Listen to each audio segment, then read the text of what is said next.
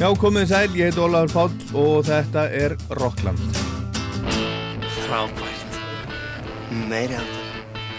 Óli, þetta er bara eins og að borða með fórsetan. Það er ekki nema sangjant að helmingurinn af andvirði miðana verði greittur aftur. Sangjant er afstætt Sigur. Er það ekki sangjant?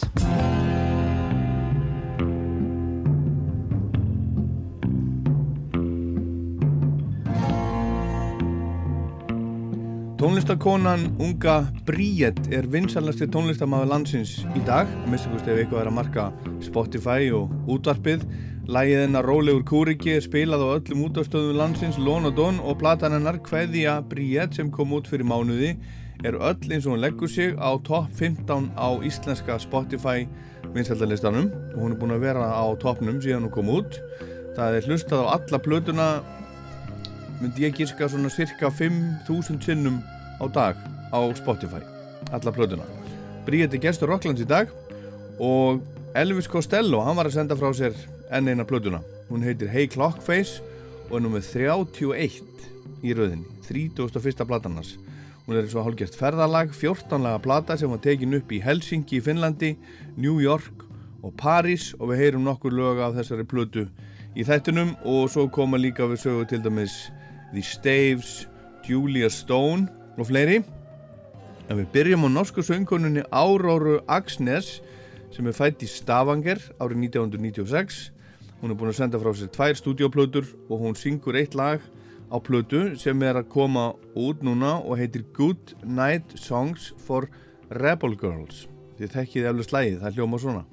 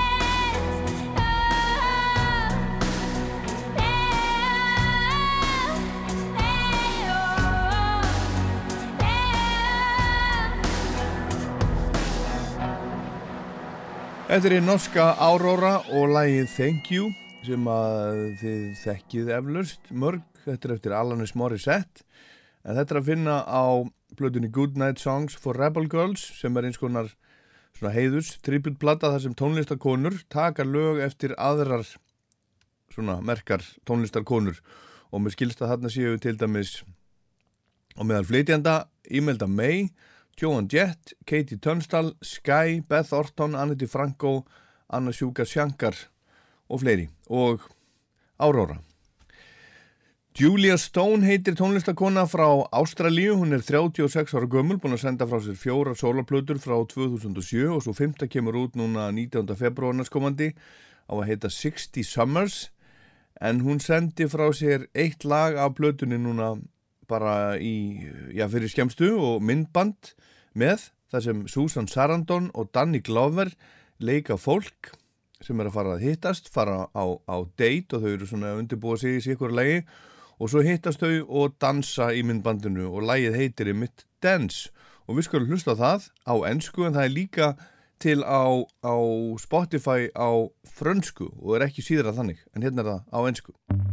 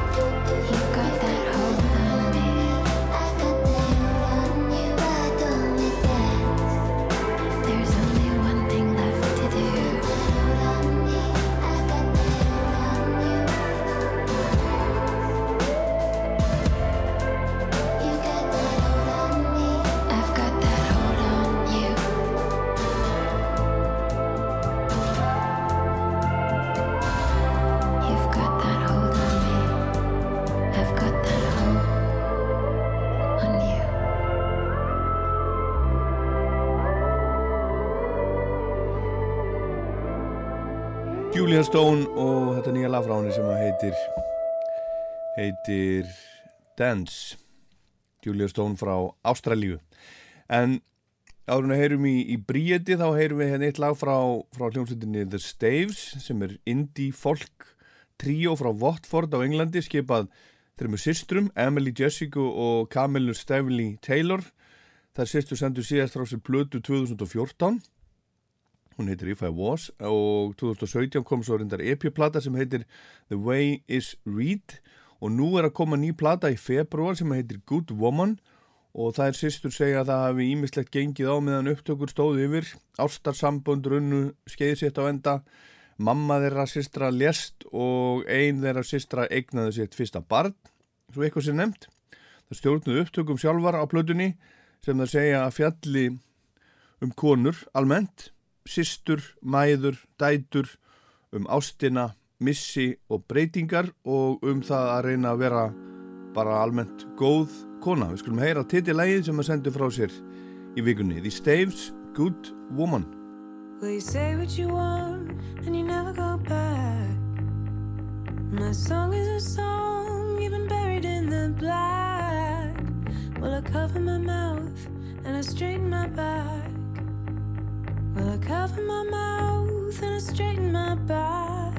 I'm a good woman. I'm a good woman. Be kind.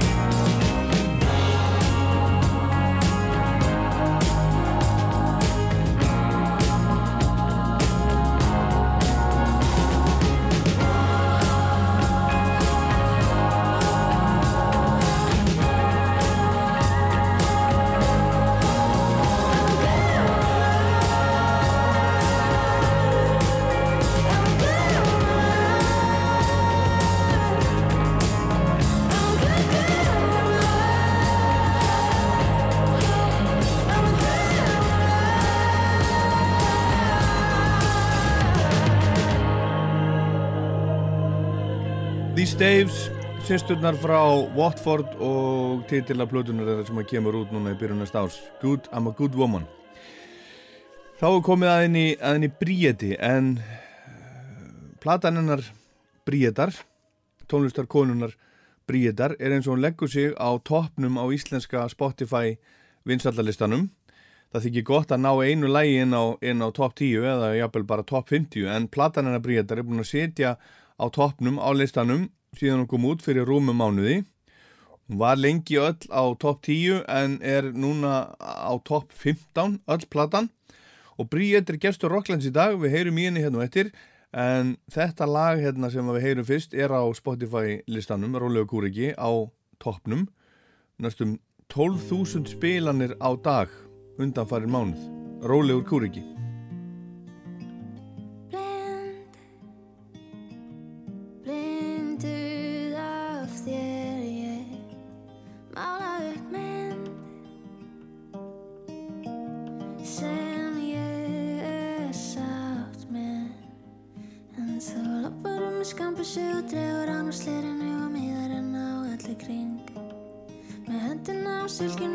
Sylginni og sveifluna á leikinni en ég lít alltaf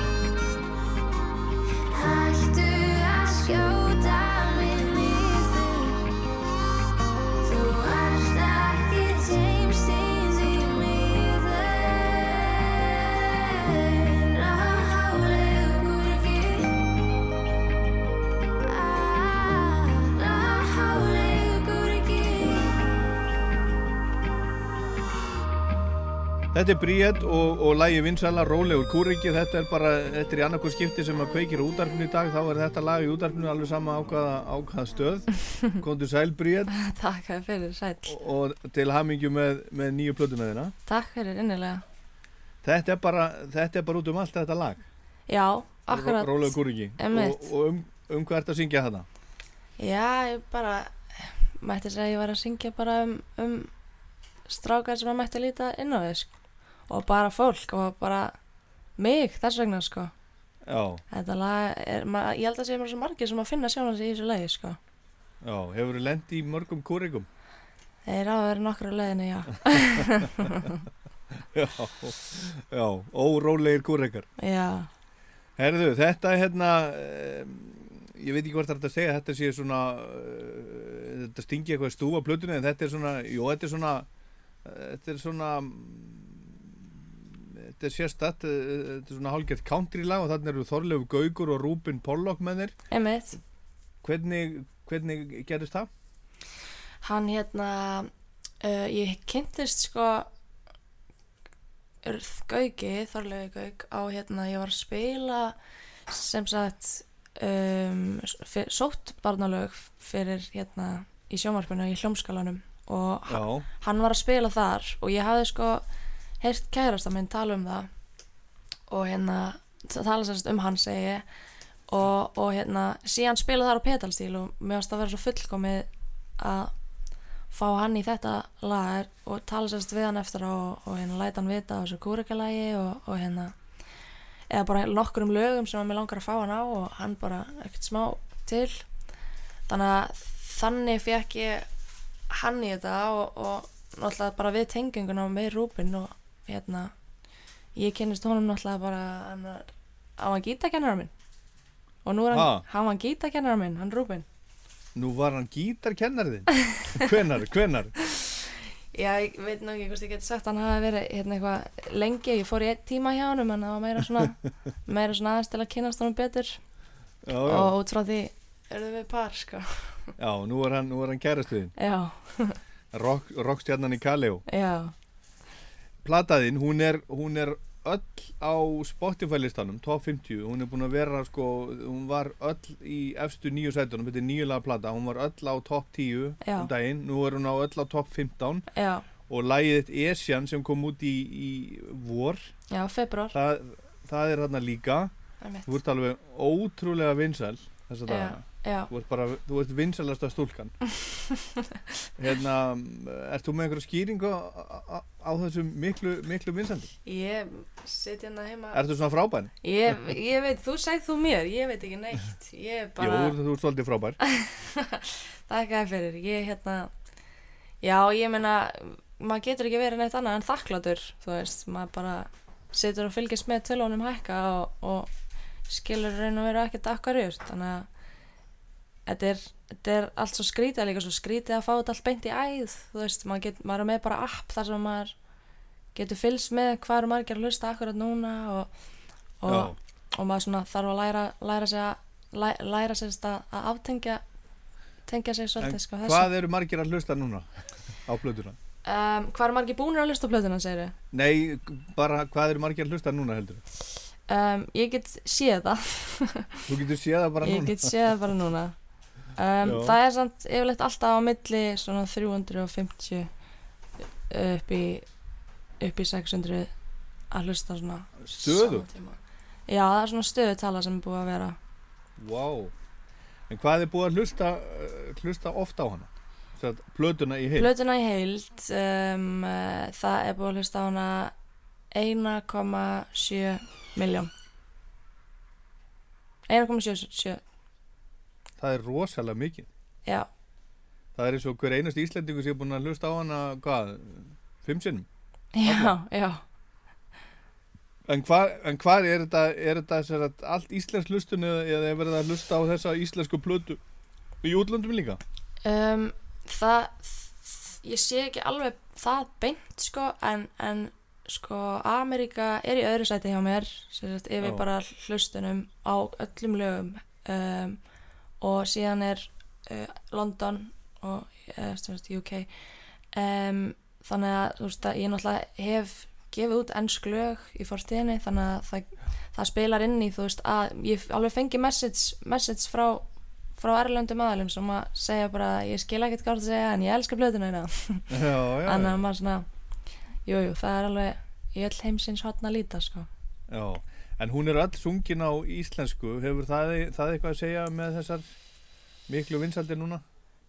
um, ég meina já, þú veist fyrir Íslendinga að heyra Ísland, íslensku að þá er auðveldar að tengja það svona aðgengilegra þannig að ég held að spila alveg stóran þátt að, að, að fólk þykir þá svona vætna um um plötuna þú veist að það skilur mig betur eða, eða Já, já, getur sett sig meira í skilur- þessu spór það er kannski svona Skilur strax. Já, þannig að Jú, jú, það er, það held ég spila stórum part, sko, ég tók alveg eftir því þegar ég var að spila, ennskulegin á, á, veist, að svona maður fann alveg að það var minni tenging í salnum þar, sko, Já, þó, að, þó, að þó að margir hafa sagst elska ennskulegin, fann maður samt svona minni, minni, sko, já, minni tengingu, Akkurat.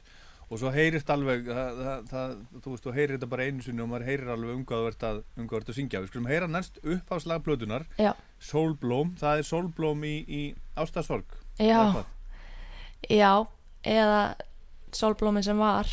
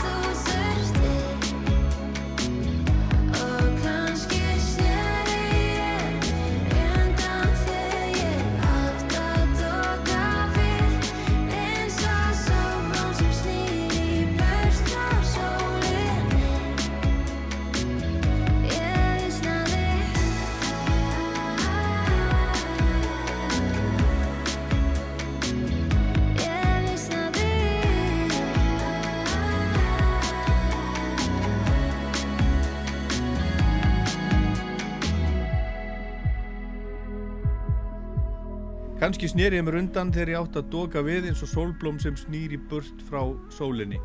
Þú ert, þú ert, þú ert mjög svona já, eins og ég sagði á það, maður heyrir alveg um leið og maður hlustar á plötuna hvort þú syngjum þú ert, þú ert, þú ert mjög svona opinská og, og, og, og reynskilin þú er orðið fyrir, fyrir hjarta sári, Já, ástar sorg. Já, akkurat.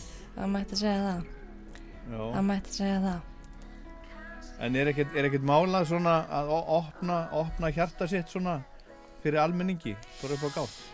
um, Að vissuleiti að því að, að hérna, fólk verða á að búa til, búa til sögur eða vilja skilja betur og, og svona og það er svolítið það svona að, að það er eins og platan sé ekki nóg sko, það er svona svolítið tilfinning sem maður fær að Já, já, vilja, vilja vita meira.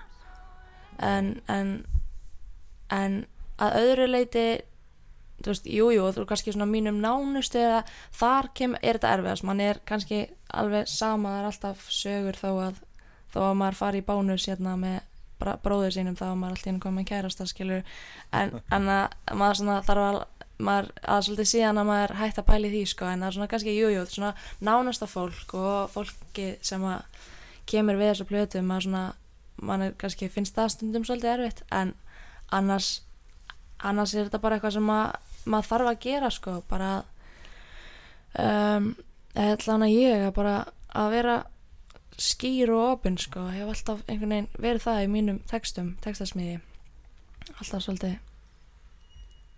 Jú, já. Og það er meitt svona Já. kannski eins og þú segir hann það er auðveldar að tengja þegar að þegar maður er að tala um bara Já, já. eh, þessar tilfinningar sko Þetta er líka, þetta er líka samanlegt, ég hugsa, hugsa uh, að flestir sem eru orðnir, hvað við segja, 15 ára hafi upplifað þetta einhvern tímann já, sem, sem Akkurat. eða með minni einhvern upplega Þannig. Já, einhvern tímann, einhvern tímann á æfinni. En hérna, en uh, hérna, en hvað hérna, uh, sko, þú veist, eins og ég segi, þetta, þetta er svo óbiskátt, þú ert að bara, þú ert að fjalla þetta um bara, þú ert í ástarsorg og, mm, og það er einhver, einhver, einhver fyrirverandi kærasti. mm. Hvað segir hann við þessu öllu saman? en þú verður að spyrja hann, ég veit það ekki sjálf Nei, þið, hefði ekkert, ekkert rætt þetta neitt Hann er ekkert, ekkert, ekkert kommentar á blöðuna hann hefur ekki kommentar á plötuna en, en hérna en hann vissi nú við hefum alveg átt samræðar um um að þessi plata sé að verða til og, og þar var bara sleftu hestunum, bara góna ekki, Já, já, ekki halda neinu aftur þar þannig að það var það var að hefur allan tíman verið ekki það að maður þurfa að fá okkar samþykki sko en, en það hefur alltaf verið allt í, í góðu og, og sem lýsir svolítið svona okkar samskiptum bara myndi ég segja Mhm. að það er alltaf allt verið bara svo, svona hérna fallegt sko og fallega komið Já. að allu þannig, að- þannig að ég held að ég held að eins og mér bara finnst honum erfitt að lusta en, en, en hefur ekkert við höfum allavega ekki átt samtalið en það ég held að það muni ég sér setna Heyrum næst lagið Djúb sár gróa hægt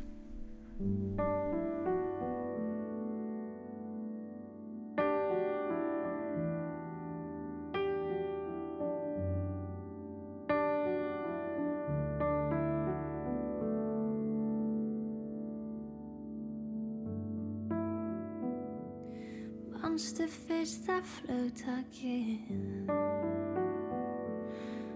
Manstu fyrsta snertingin Kossin upp á þakki Nóttin harði grafkir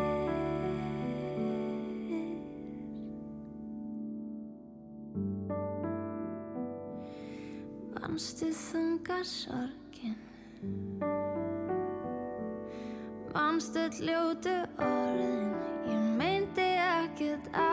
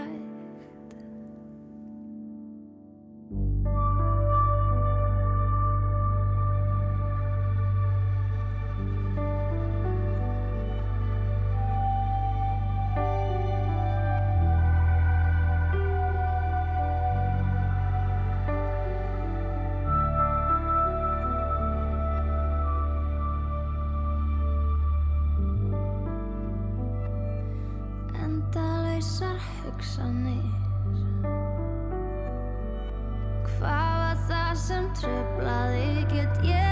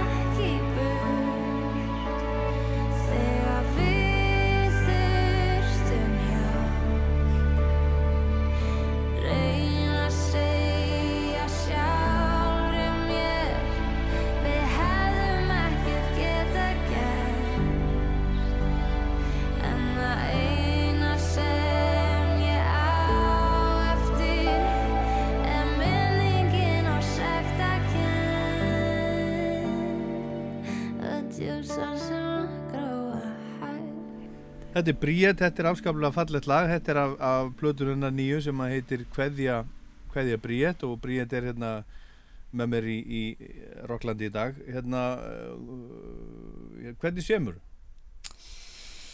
Um, það er misjáft en svona helsta þróunin er yfirleitt hljómagangur, lagalina og svo einhver texti sem er búin að vera að malla Já.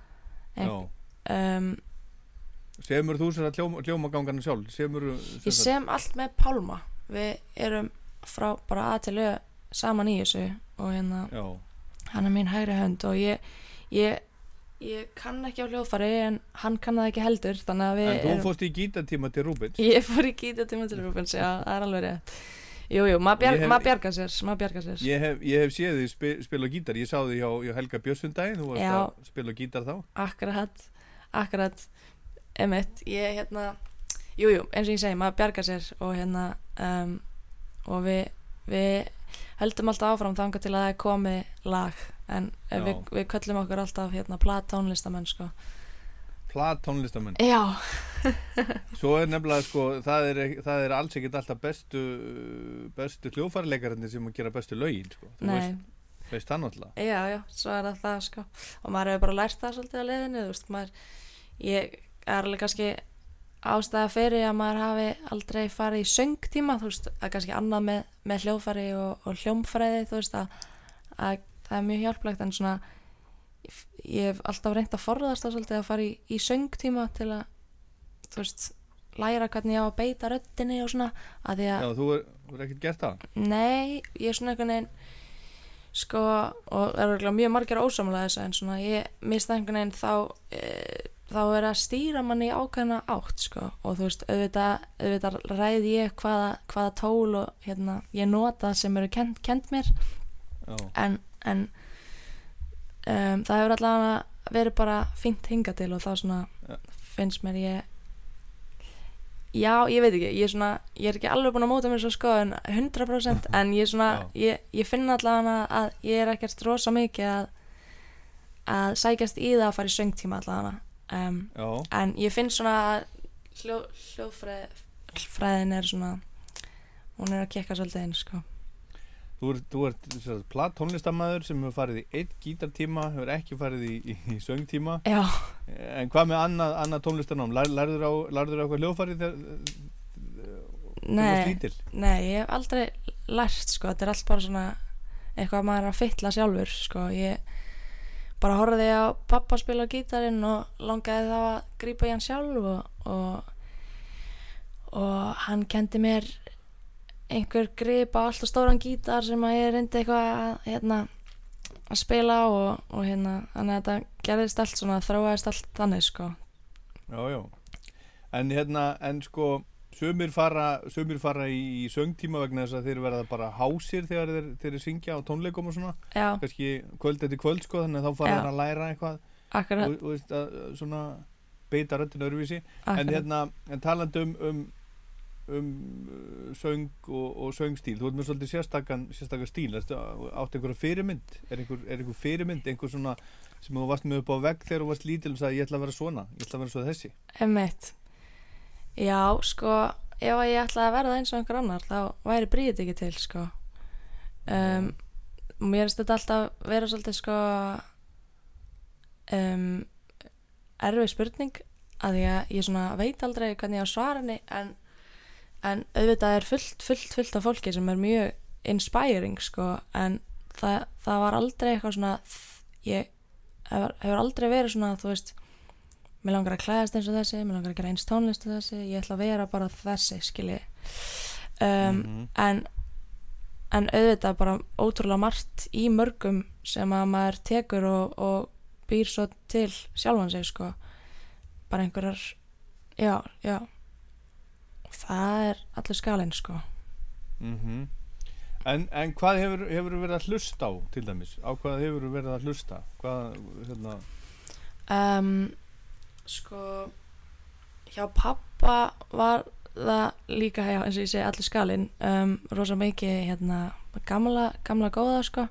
Bara Doris Day og hérna Bobby Darin og Chet Baker og svona um, og frúst út í bara sko Led Zeppelin og og, og Bílana og allt það.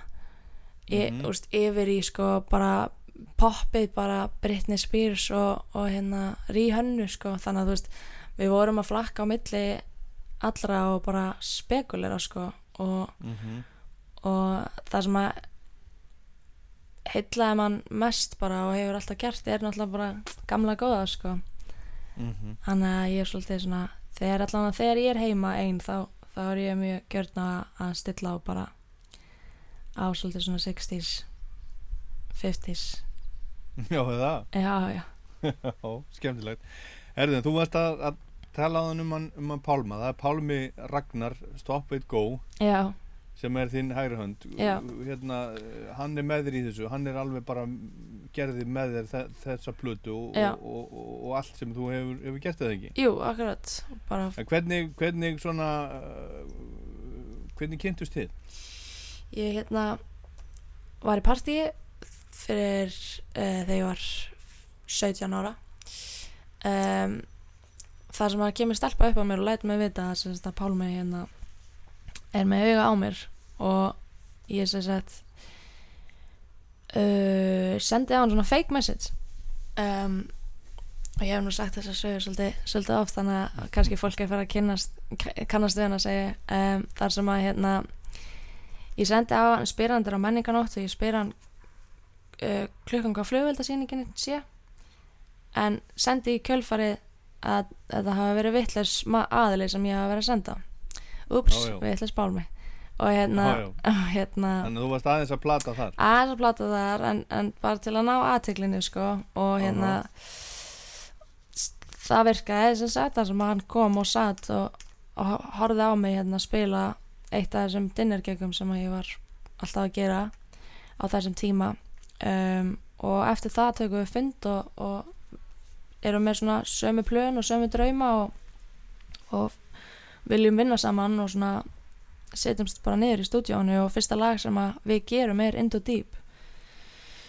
Og fyrsta lag sem við gefum út og er alveg breytti svona já, bara breytti svolítið öllu sko og var mikil aðtekli sem kom út frá því lagi bara sex dögum eftir að það kom út.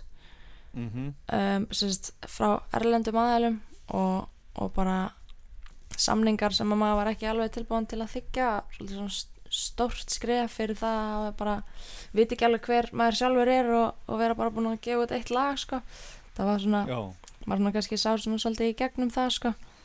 en en eins og ég segi sko að þá lærir maður líka af mistökum annara eins og maður lærir líka af um, einhverju sem að fólk gerir vel að, Mhm. að þá lærir maður líka af mistökunum og sem er sem er hérna líka svolítið sniðugt sko um, að þarna var s- sem sagt, sa samningur á borðinu sem var ekki tilbúin, tilbúin að, að skrifa undir en, en hérna og við erum búin að vinna síðan saman þá já, já. En ertu með einhverja, einhverja samninga í útlandum? um, e- eins og ég er akkurat núna nei, nei ég, er sagt, ég er bara búin að vera independent bara frá því að bara í svolítið langan tíma núna sko, bara eng, engin eng, Já. engin að hérna engin dreifingaræðili bara bara hérna allt sjálf sko og þessi plata og, og allt bara Já. sjálf sko Og, og, og, og þú ætlar að, þú ætlar, þú ætlar að vera, vera bara svona sjálfstæð? Uh, eins og er þá, þá já og kannski svona aðalega með íslensku tónlistina en, en svona ég, ég er tilbúin með erlend efni og svona og langar að fara að íta mér aðeins aftur í þá átt að þá munur kannski einhverjir fara að grípa, grípa í grípa í sko. En Já, bara þegar það make, make sense er alltaf akkurat, akkurat, akkurat, eitt skrif í einu, eitt dag í einu. Hérna, þú varst að tala á þann um, um dinner gig, þú varst, þú, varst að, þú varst að spila, þú varst að syngja bara á, á, á börum eða hvað?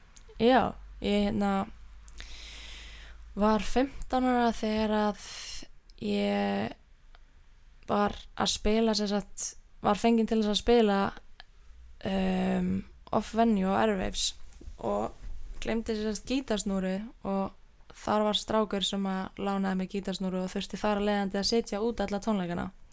Já, og kemur síðan eftir tónleikana og, og hérna er heiminn lifandi og vill vinna saman sk- og hann var alltaf að spila sem sagt svona dinner á kvöldin fyrir, fyrir fólk sem vera að borða og hérna hvar þá? uh, þetta byrja á íslenska barnum og síðan fór þetta bara að vera bara mín atvinna þar sem að ég var bara hérna spila í tvo tíma á íslenska barnum tvo tíma á hérna bækjæf og svo þrjá tíma í þrastalundi og Já. þetta var allt hérna eitthvað. 15 ára? já verandi í mentaskóla og, og hérna Já, já. vi- vinnandi líka í borgarleikursinu og þannig að þetta var svona þetta var auðljóslega sem að greip mann svolítið sko að hérna sagt, tónlistin þar að segja Mm Heldur betur. mm. Herðu, það er eitt, það er eitt instrumental lag á, á, á plutunni sem heitir Eldum sólina. Intermission. Þetta er svona eins konar, eða þegar ég hlust á þetta, þá varst þetta að vera svona eins og hljémusik, svona fyrir og eftir hljé. já, Hérna, uh, er það rétt, rétt, rétt skilja hjá mér? já þetta er þetta er bara kúrikinn sem sest niður og er að flauta eins fyrir okkur undir trénu Já, en, en hver er að, er að flauta? ég er að flauta ég er að flauta þetta og Ok. Rúben er að spila á gítarinn og þetta er lag eftir hann sem við hérna vorum sátum í stofunni og hann var að spila þetta fyrir mig.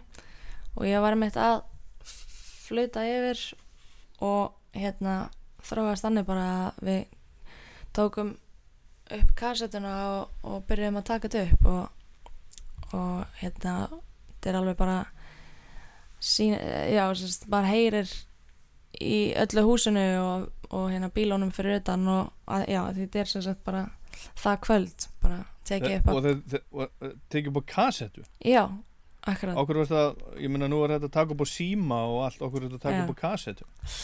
það er soundið sko, kannski, kannski spilar það inn í hérna 60s, 50s feelingin hjá mér sko að heyra í teipinu sko, mér finnst það mér finnst það hérna ótrúlega fallegt og það bara meikaði meikaði svo mikið sens það var bara Já, já. A- Ætlar að gefa plötun út kannski á kassettu líka? það var, það var pæling sko, ég á gamlan bíl sem er með kassettum kassettutæki og það var svona er ekki hægt að gera er ekki hægt að gera eina kassettu, tvær kassettur en Já. það er nú frekar úrelt segir fólk sko, en ég ætla allan að gera eina kastu fyrir mig allan, það er bókamál ég heyri, sko, það lítur það að vera gamalt bíl þannig að þú ert ekki á, á samningi hjá einhverju bílafyrirtæki. nei, ég á gamlan hérna Ford Bronco já, er það? já 86 modeli já, 89 Og er það bara þinn bíl, áttasíldra bíl? Já, mikið bensin sem fer á bíl Vá, Já, það er ekki, e, og ekki mjög umhverfisvæð. nei, alls ekki maður, maður fær alveg bara núti í magan þegar fólk hlapa fram í og haldandi fyrir nefið bara og gefandi mann svip hérna. Fyrirgeði, sorry, þetta er bara svo flotti bíl Nei, já, það er ég er alveg með bleiti fyrir þessu fyrir svartíðinni, sko. Þannig að maður það sést.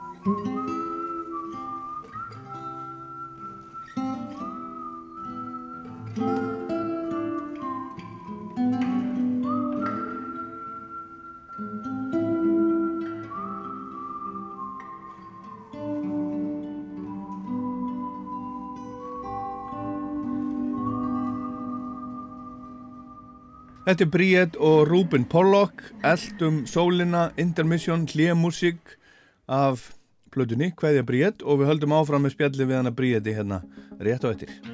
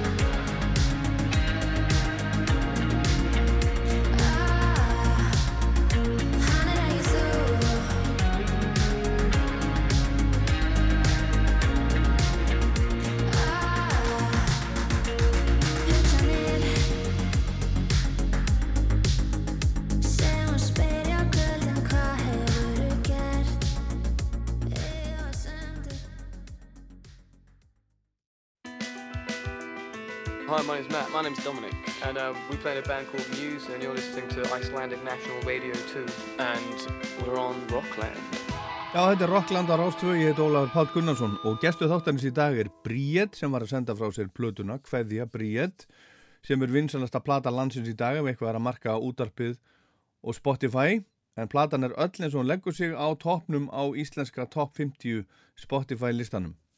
Ég sá hérna stutt viðtalviði á netinu þar sem kom fram að þú notar ekkert áfengi, þú, þú, þú drekkur ekki mm. og hefur aldrei gert, Nei. aldrei prófað. Nei. Er, er hérna er, þetta, er þetta meðvitið ákvörðun eða er þetta eitthvað bara sem að gerðist? um, ég held sko bæði meðvitið og, ómeðvitið ég einhvern veginn það var aldrei eitthvað plan eða eitthvað hérna, skrifað í bækunar að þetta myndi aldrei gerast. En, en ég var samt alltaf mjög meðvitið um að ég væri ekkert sérstaklega hrifin að þessu. Og kannski út af, út af bara mömmu minni sem var svo opinn með allt og rætti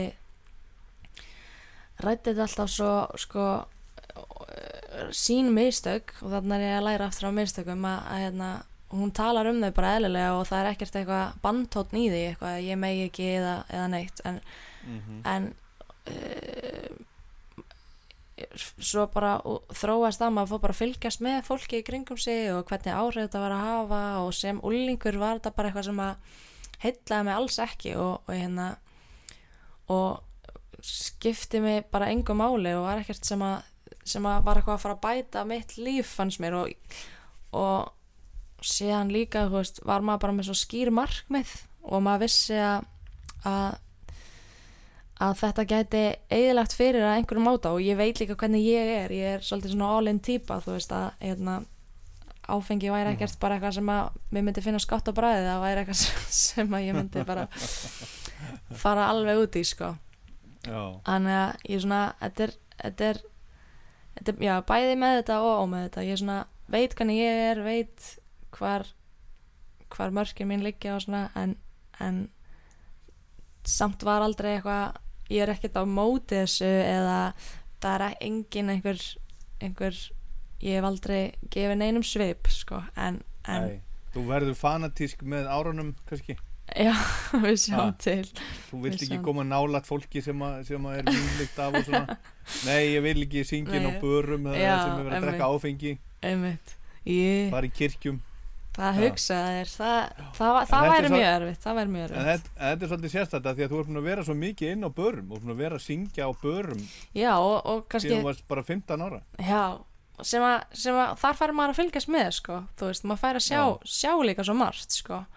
Og, og hérna þú veist já bara þú veist, fylgjast með hvernig áhrif þetta hefur haft á líf margra og bara vinamanns og fjölskyldumæðlumi og svona, veist, þannig að maður bara maður veit betur, skilur allavega í mínu tilfelli, þú veist að að ég ég veit að ég hljóma stundum eins og ég sé eitthvað voðalega mikið á móti sig og allir sem drekkar vittlisingar en það er bara alls ekki um máli ef ef það er eitthvað þá er ég hellað í fólki í kringum mig bara. Já, já, ok þannig Já, já En, en vissulega er þetta, ég menna, þetta er náttúrulega bara, þetta er náttúrulega bara, uh, þú veist, vímugjafi sem er viðurkendur í, í okkar, okkar heimsluta. já, En ef að það væri verið að finna þetta upp í dag, þá verið þetta öruglega, uh, fengist ekki leifi neinstað til þess að, til að selja þetta, akkurat. Ef þetta væri ný uppfinning, sko. En það- hérna, en, en hvernig hefur nú haft það núna á þessum, þessum, þessum skrítnu, skrítnu tímum í, í þessu COVID-röglu öllu saman? einmitt, ég rosalega sko náttúrulega ég er bara búin að vera að vinna í þessu plötu og það er búin að hjálpa rosa mikið. Maður er bara búin að fá tíman til að setja í stúdíun okkur um degi um, tekið tap vissulega en líka bara fínt að fá að uh, líta aðeins inn á því sko, og fá að vera bara aðeins niður á jörðinni og, og hérna og chilla eins og maður segir. En, Já, en jú, gott og slæmt. Þetta er, þetta er erfitt og þetta er skrítið en, en, og maður er atvinnulegs en, en þetta er samt líka bara eitthvað sem að mér finnst hafa bara svona stoppað svolítið heiminn og mér finnst margt fallegt búið að gerast í þessu og svona já, já. En svo er náttúrulega núna, núna sko, uh, þú veist, uh, sko, fólk hefur náttúrulega fengið tekjur af plötu sölu gegnum tíðina en núna eru náttúrulega að koma tekjur þegar það er svona mikið, mikið streymi á Spotify. Já, eins og þér þá hlýtur náttúrulega, og þú átt þetta allt saman sjálf, þú ert ekki með neina, útgáfu eða neitt, þannig að það hlýtur að akkurat. koma eitthvað inn þar sem er, sem er mjög gott. Og hérna og þessi plata sko hún, hún verist höfða til fólks á, á, á öllum aldri. Það er, það, er ekki, það er ekki bara þú veist jafnaldraðinni sem er að hlusta. Þetta er, þetta er bara fólk á öllum aldri sem er, sem er að hlusta. Hefur það komið óvart? um, Já, en ekkert eitthvað sem ég hef pælt sérstaklega í sko. ég, hérna, og það eru miklu fleiri eldri sem að sem að hlusta heldur en yng- yngri frekar sko, og ég, að því maður sér það já, beint Já, þú getur séð, þú getur séð það í appinu Já. hvað, hérna, hvað er fólkið á hvað aldri er það sem er hel, helst að hlusta? Það er á milli svona 25 til 35 það er svona eða, veitu, já, jú það er og, og upp úr sko en Já, eða meiri segja hvort það sé ekki 30 30 og upp en Já, já, já. og, og kallar og konur alveg 50-50 sem að, Aha. mi- ég var mjög viss af því sko, ég held að vera fleiri, fleiri konur sko en, en þannig að þetta er, jú, jú, þetta er mjög áhugavert sko að fylgjast með en hvað ert þú gömul sjálf í dag? ég er 21 árs 21 að sjá, já.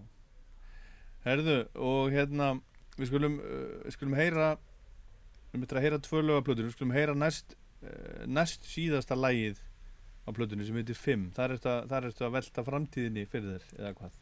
Já, og bara hvort að þessi söknuður mér einhvern veginn hætta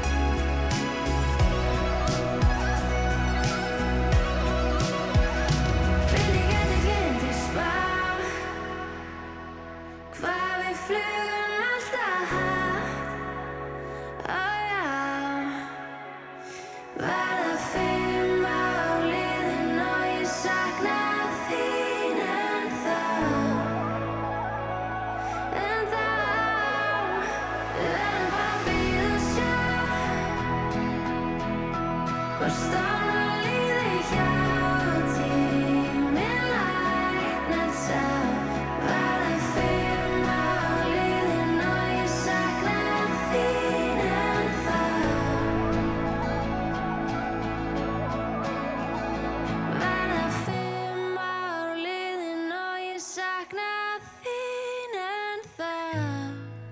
Þetta er fimm, næst síðasta lægi á blöðun hennar Bríetar sem heitir Kveðja, Bríet, hérna, myndin á umslæðinu Bríet, það er ekki Já. beint svona, ekki beint glansmynd. Nei, Eh, Þegar fólk fyrir myndatöku fyrir svona eitthvað sem á að standa eilífu fyrir hérna bókakápu eða ljósmynd í tímariti eða eitthvað svona, eða blöðumsla þá, þá það er eitthvað svona það sem er, það sem er alveg pottjett lýsing og, og, og Mm. og make-up og svona mm, en, en þú ert bara einhvern veginn ja, þú ert bara einhvern veginn hvað finnst þér þetta svona ræðileg mynda? nei, nei, mér finnst þú mjög, mjög, mjög skemmtilega þú ert bara svona eitthvað svo þú ert svo bara, að bara svona hafi verið tekin óvart sko.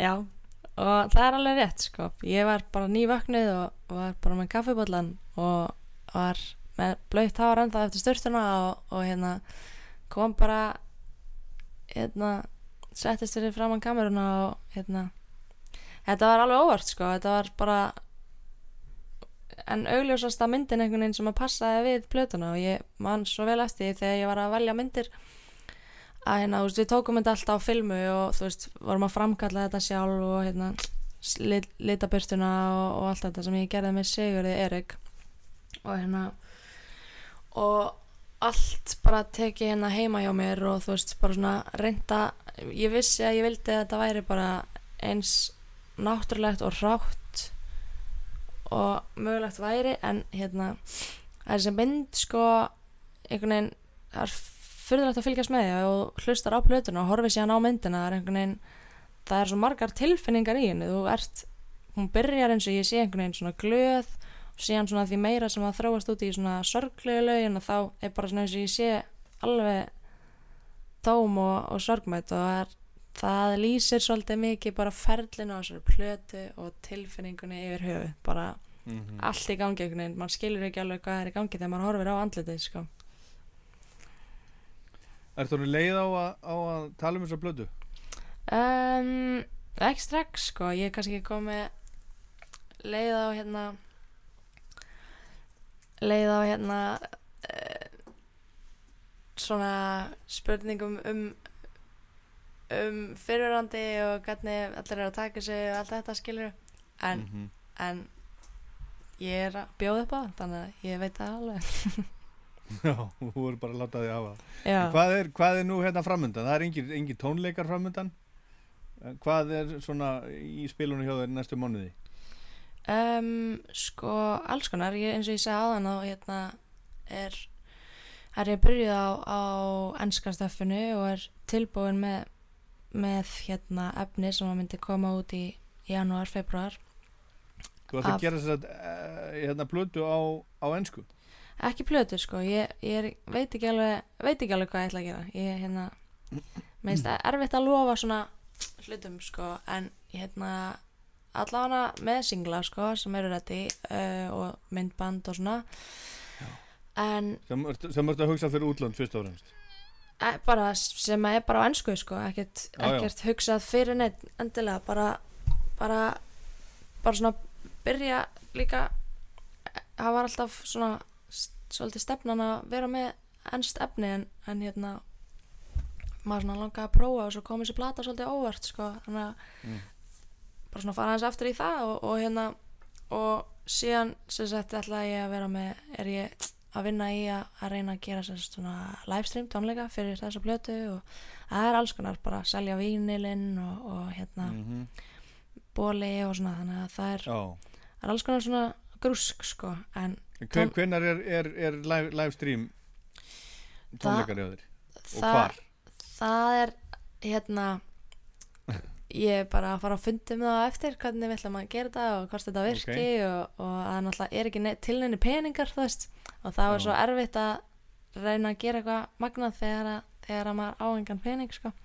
en, að, og sérstaklega þess að maður er að gera þetta allt sjálfur þannig að það maður bara já, já, já, ok. Ég á þúsungall en hérna um, um, jú, pælingin með þá tónleika er bara að fólki heima í stofu geti bara hort upp í sófa og, og hérna og uh, þeir verða bara teknir upp Mhm. það verður mjög cool, ég get alveg lofað því sko Ljómandi. Mm. Herðu, svo varst að syngja með hérna, Bubba Mortens um daginn eða ekki? já, jú, akkurat Hvernig var það? Það er bara e, nákvæmlega eins og þú ert örgulega ímyndaður. hann var bara að vera, vera þessi stóri karakter sem hann er og, og hérna og eh, segjandi manni sögur og hérna allt er svo vindislegt og frábært og, og hérna ég er búin að þekka Bubba lengi sko þannig að þetta var Já, já. ekki fyrsta skipti sem að við spjöllum saman í, í stúdíónu en þetta var, þetta var bara geggja og þetta lag sem við erum að fara að gefa út er mjög áhrifuríkt og svona svona þungt þungt málefni og svona þannig að það er það er bara góð bóðskapur alltaf ég veit ekki alveg hvort það er góð bóðskapur en þetta lag er svona mikilvægt það er gott að, Mm gott að opna á þetta sko Akkurat.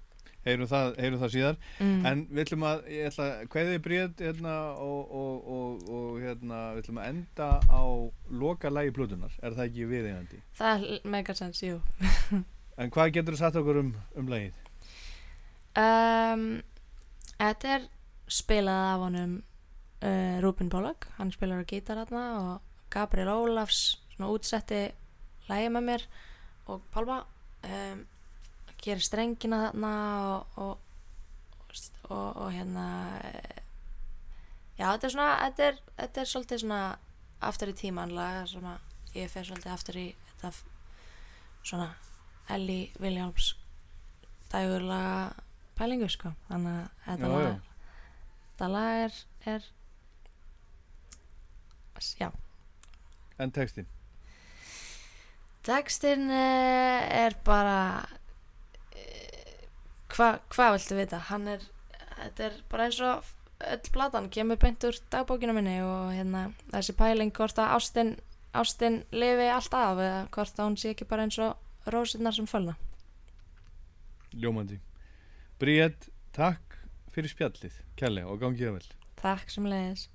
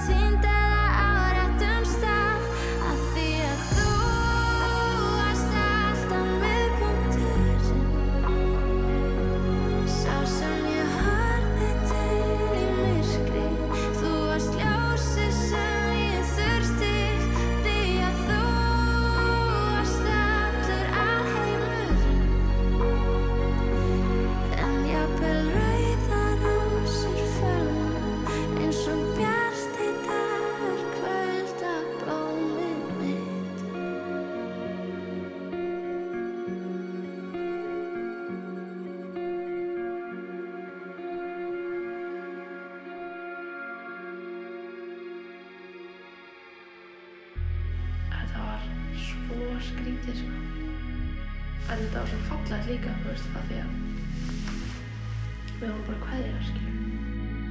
Þú veist, fallega var rosa fallegt, en það var bara að taka yfir, þannig að við þurfum bara aðeins að setja stopp á það. Að þá fær maður svo mikið svona shit, en það góða var svo gott. En eina sem hann gæti gera var bara að halda yfir hún, skilur, en hann gat það ekki. Og þá var þetta svo,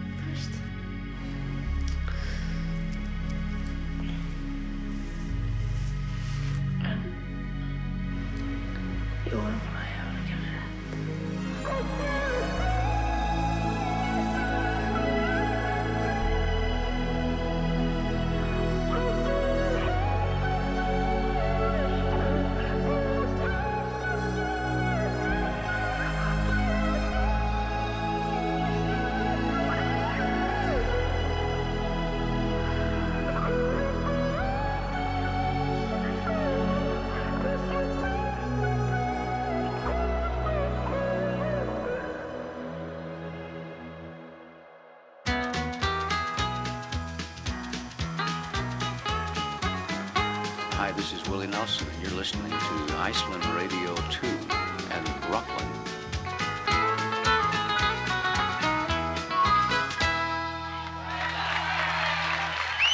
Elvis Costello var að senda frá sér enn eina blöðuna. Hún heitir Hey Clockface og er nummer 31 í rauðinni. Og þessi plata er eins og hálgert ferðalag. Þetta er 14 laga plata sem var tekin upp í Helsingi í Finnlandi, New York og Paris. Og hún byrjar svona.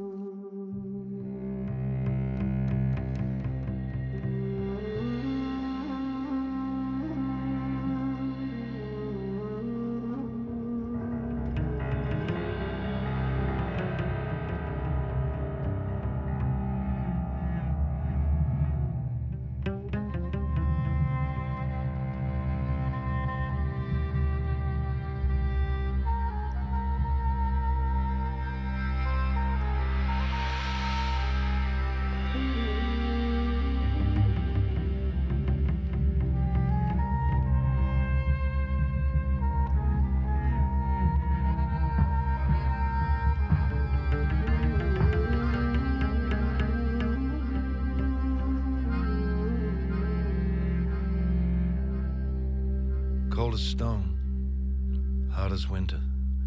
She turned to me, and this she said Kiss me once, and you'll remember. Lay with me till we're both dead. The land was white, the wind a dagger. Life beats a poor man to his grave. Love makes a rich man from a beggar. Love is the one thing we can save.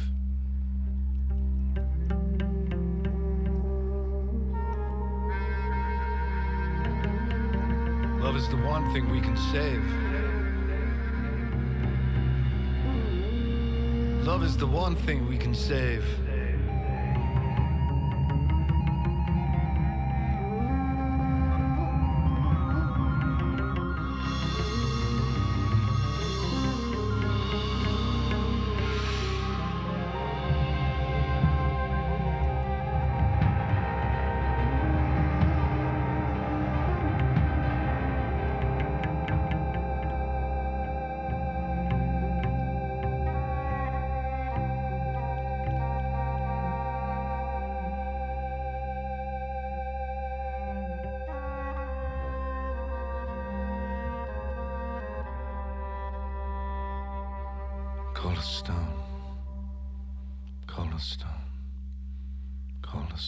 Þetta lag sem opna nýju plötuna frá Elvis Costello heitir Revolution nr. 49 Soldið skrítið að opna plötu svona á svona lagi. Þetta er ekki típisk opnun á plötu að byrja á svona uh, hvað sé ég, djössuðu, súru og töluðu lagi.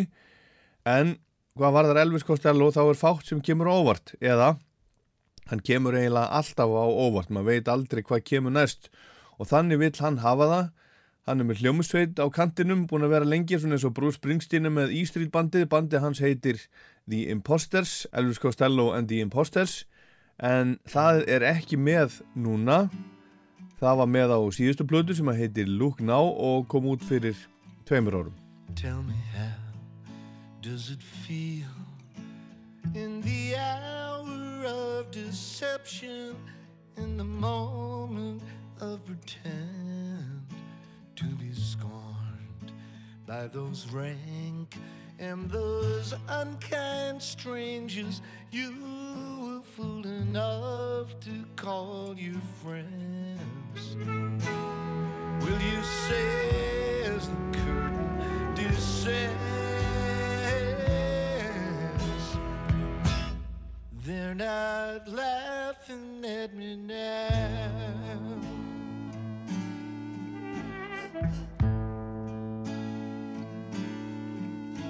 When the last of the garlands and laurel crowns and fine bouquets have all been swept away. You were lost in the smoke screens of cavalcades and accolades instead of traders' pay. Where will you find the courage to say they're not laughing at me now? Þetta lag heitir They're Not Laughing At Me Now og ég spilaði þetta í síðasta þætti, eitt og sér en við skulum aðeins kynnast þessari nýju plötu frá Elvis Costello betur í dag. Elvis er búinn að vera lengi að, fyrsta platan hans My Aim Is True kom út 1977 en þá var hann búinn að vera að spila á pubum og klubum í Liverpool og London aðalega síðan um 1970, hann er fættur 1954, er sér satt 66 ára gamall í dag. En þessi nýja plata hún var tekin upp í þremur lótum fyrst fór hann einn til Helsingi og tók nokkur lögu upp þar svo vann hann tvö lög yfir netið í New York með Michael Leonhardt. Enda á því. En restina megnið af plötunni tók hann upp í París. Fekk Steve Neevy sem að lengi hefur spilað með honum á, á hljómborð með sér.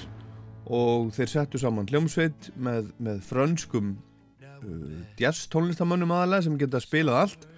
Og við skulum heyra næst eitt af lögunum sem hann tók upp í Helsingi það heitir No Flag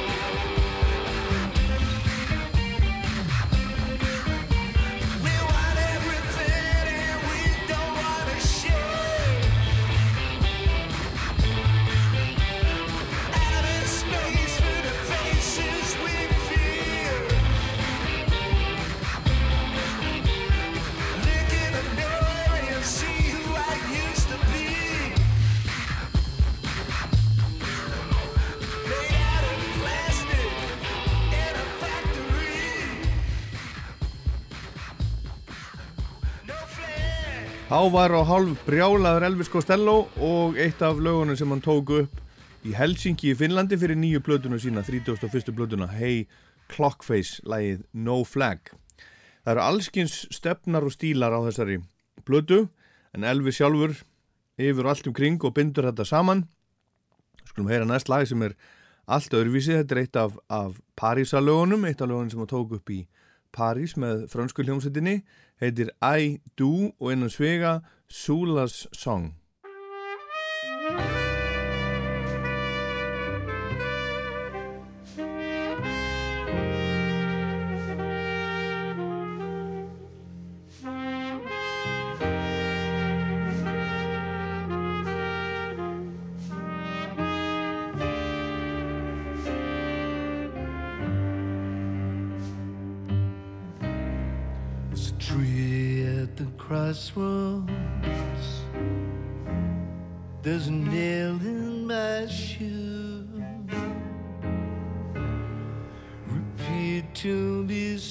as you vow that we'll see you through. Let's go to the other side and take in the view. Our eyes will see better there. Watching flow. You may say, I don't know,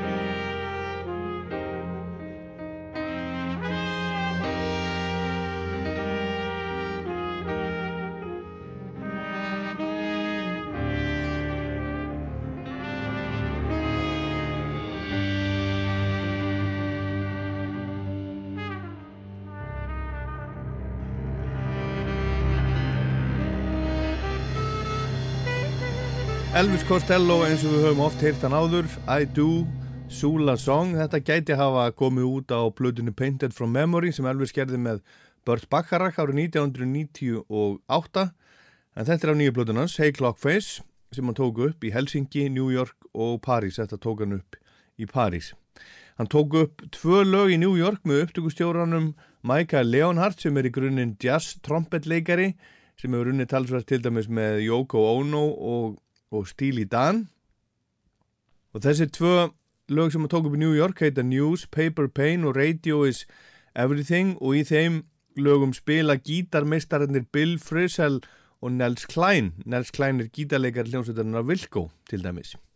Og röddina tók Elvis og upp heima hjá sér í Vancouver í Kanada og setti yfir músikina þetta er annað þeim, þeim lögum sem við heyrum næst hérna. Radio is Everything. I'm sitting here wondering this matchbox will hold my dreams. The redhead in my arms go up in flames, will dissolve mighty regimes with her screams. Huh, so it seems. She dragged my face from the eye to my lip on the rough side of the striking strip, to the port side of a sinking ship staring at a compact mirror, the siren calling from another era. While you made faces and then blew kisses, drowned in a pool that hypnotized Narcissus.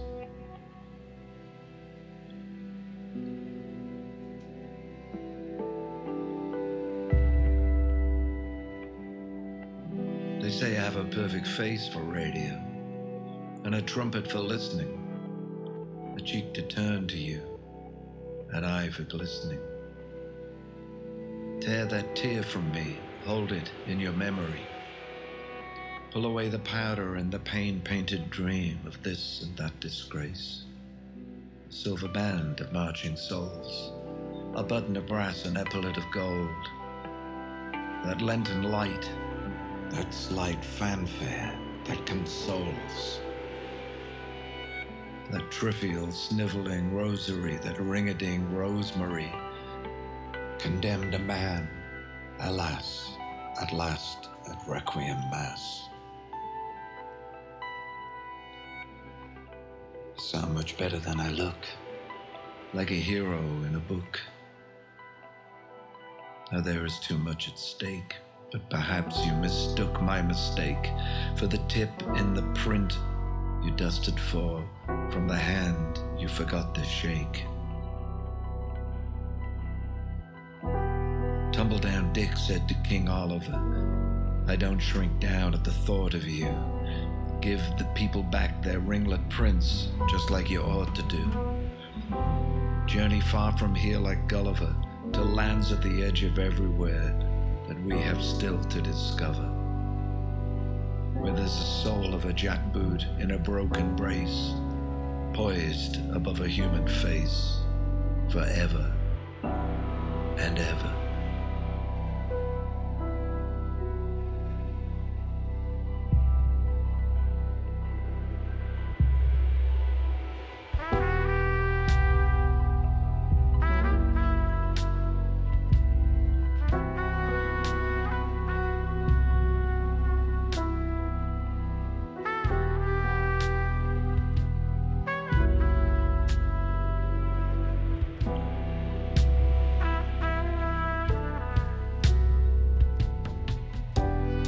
You don't need to see my face. Radio is everything. You don't need to know my name. Radio is everything.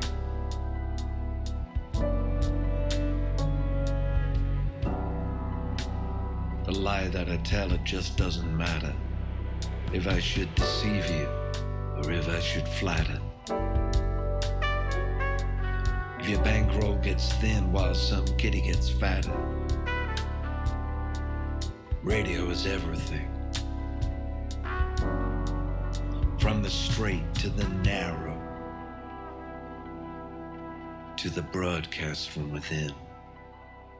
Radio is everything. Radio is everything. Útvarpið er allt, Elvis Costello, Radio is Everything af nýju plötunni, Hey Clockface sem er alls konar, þetta er eitt af lögunum eins og sagði sem var tekinu upp, eða annað tveimur lögum sem tekin, voru tekinu upp í New York og, og hann tók röttina upp heima hjá sér í Vancouver í Kanada Þetta er hljóma svona og svo höfum við næst titilægið af plötunni, það er allt öðruvísi Ba ba ba ba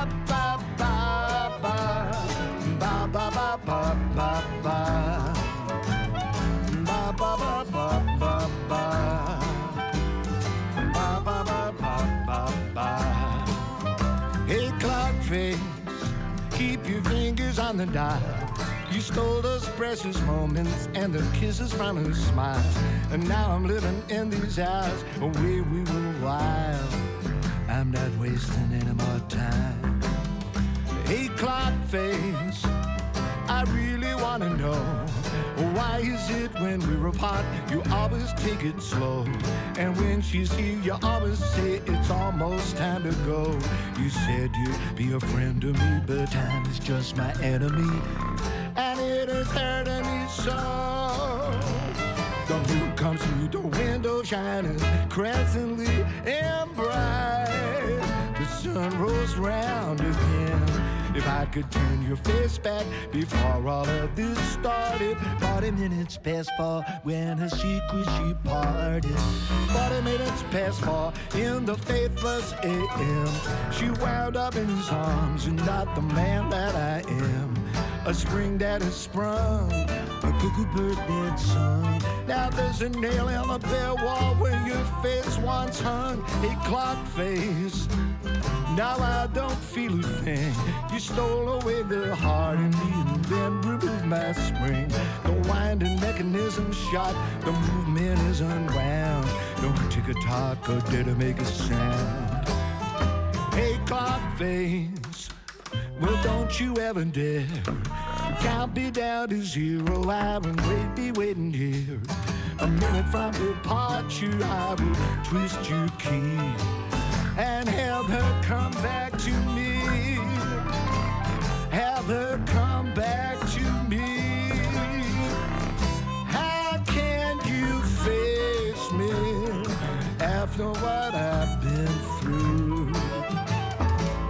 After you broke that vow, how can you face me now? How can you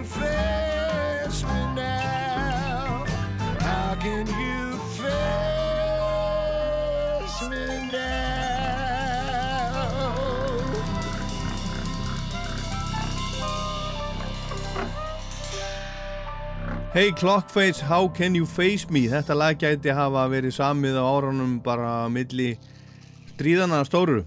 En þetta er titila nýju plötunar frá Elvis Costello sem hann tók upp eins og áður sagði í Helsinki, New York og í París. Og hann segir í viðtali í tímaritinu Uncut að þegar hann gerði fyrstu plötunum sína hafa hann ekki verið með hljómsveit og hann þekkti engan í bransanum og hann vildi upplifa þá tilfinningu aftur, segir hann, og fór þess vegna til Helsingi til að vinna þar sem að hann þekkti engan. Fekk svo Steve Neevy sem er búin að vera að spila lengi með Elvis á hljómborð í, í hljómsveitinni Imposters. Fekk hann til að fara til Parísar og setja saman stúdioband sem væri til í hvað sem væri. Og hann gerði það og svo mætti Elvis til Parísar og nýju lög voru tekin upp á einni helgi og menn þurftu ekki að tala mikið saman. Elvis talar enga frönsku og honum fannst það bara að vera kostur. Tónlistin tengdi menn saman og sáum að tala. Og þessi nýju lögaplötunni sem voru tekinu upp í París voru öll tekinu upp live og loka lag plötunar er eitt af þeim, við skulum heyra það líka, það heitir Byline. I read by line, by line, by line. Some words of yours, some words of mine, some sentiments are best forgot. Some letters read, then folded shut. The profile on a postage stamp. I traced it by my reading lamp. Remembered when I'd sit and wait, then marked our parting from that date. I read by line, by line, by line, that old sarcastic valentine that you denied you'd sent to me, and took it back. It's a thought that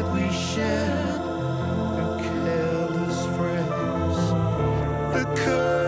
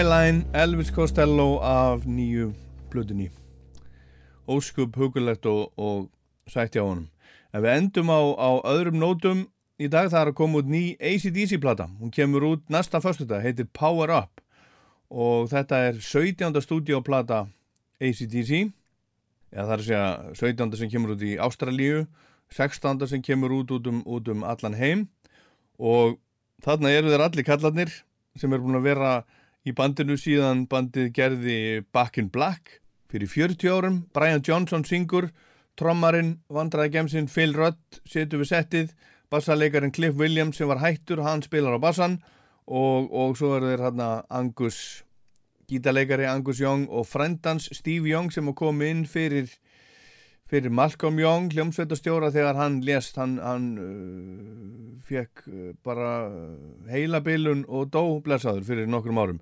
En þessi plata er gefin út uh, svona uh, í hans minningu til heiðurs Malcolm Young og, og þeir voru búinir að og hún er byggð á, á músík sem að sem að þeir voru búinir að búa til saman þeir bræður Angus og Malcolm. Þannig að Malcolm á hann mörg riff og Angus hefur sagt á sama hátt og Back in Black hafi verið svona minningaplata til, til heiðurs Bon Scott, gamla söngvarinu þeirra þá sé þessi plata á sama hátt minningaplata um Malcolm Young.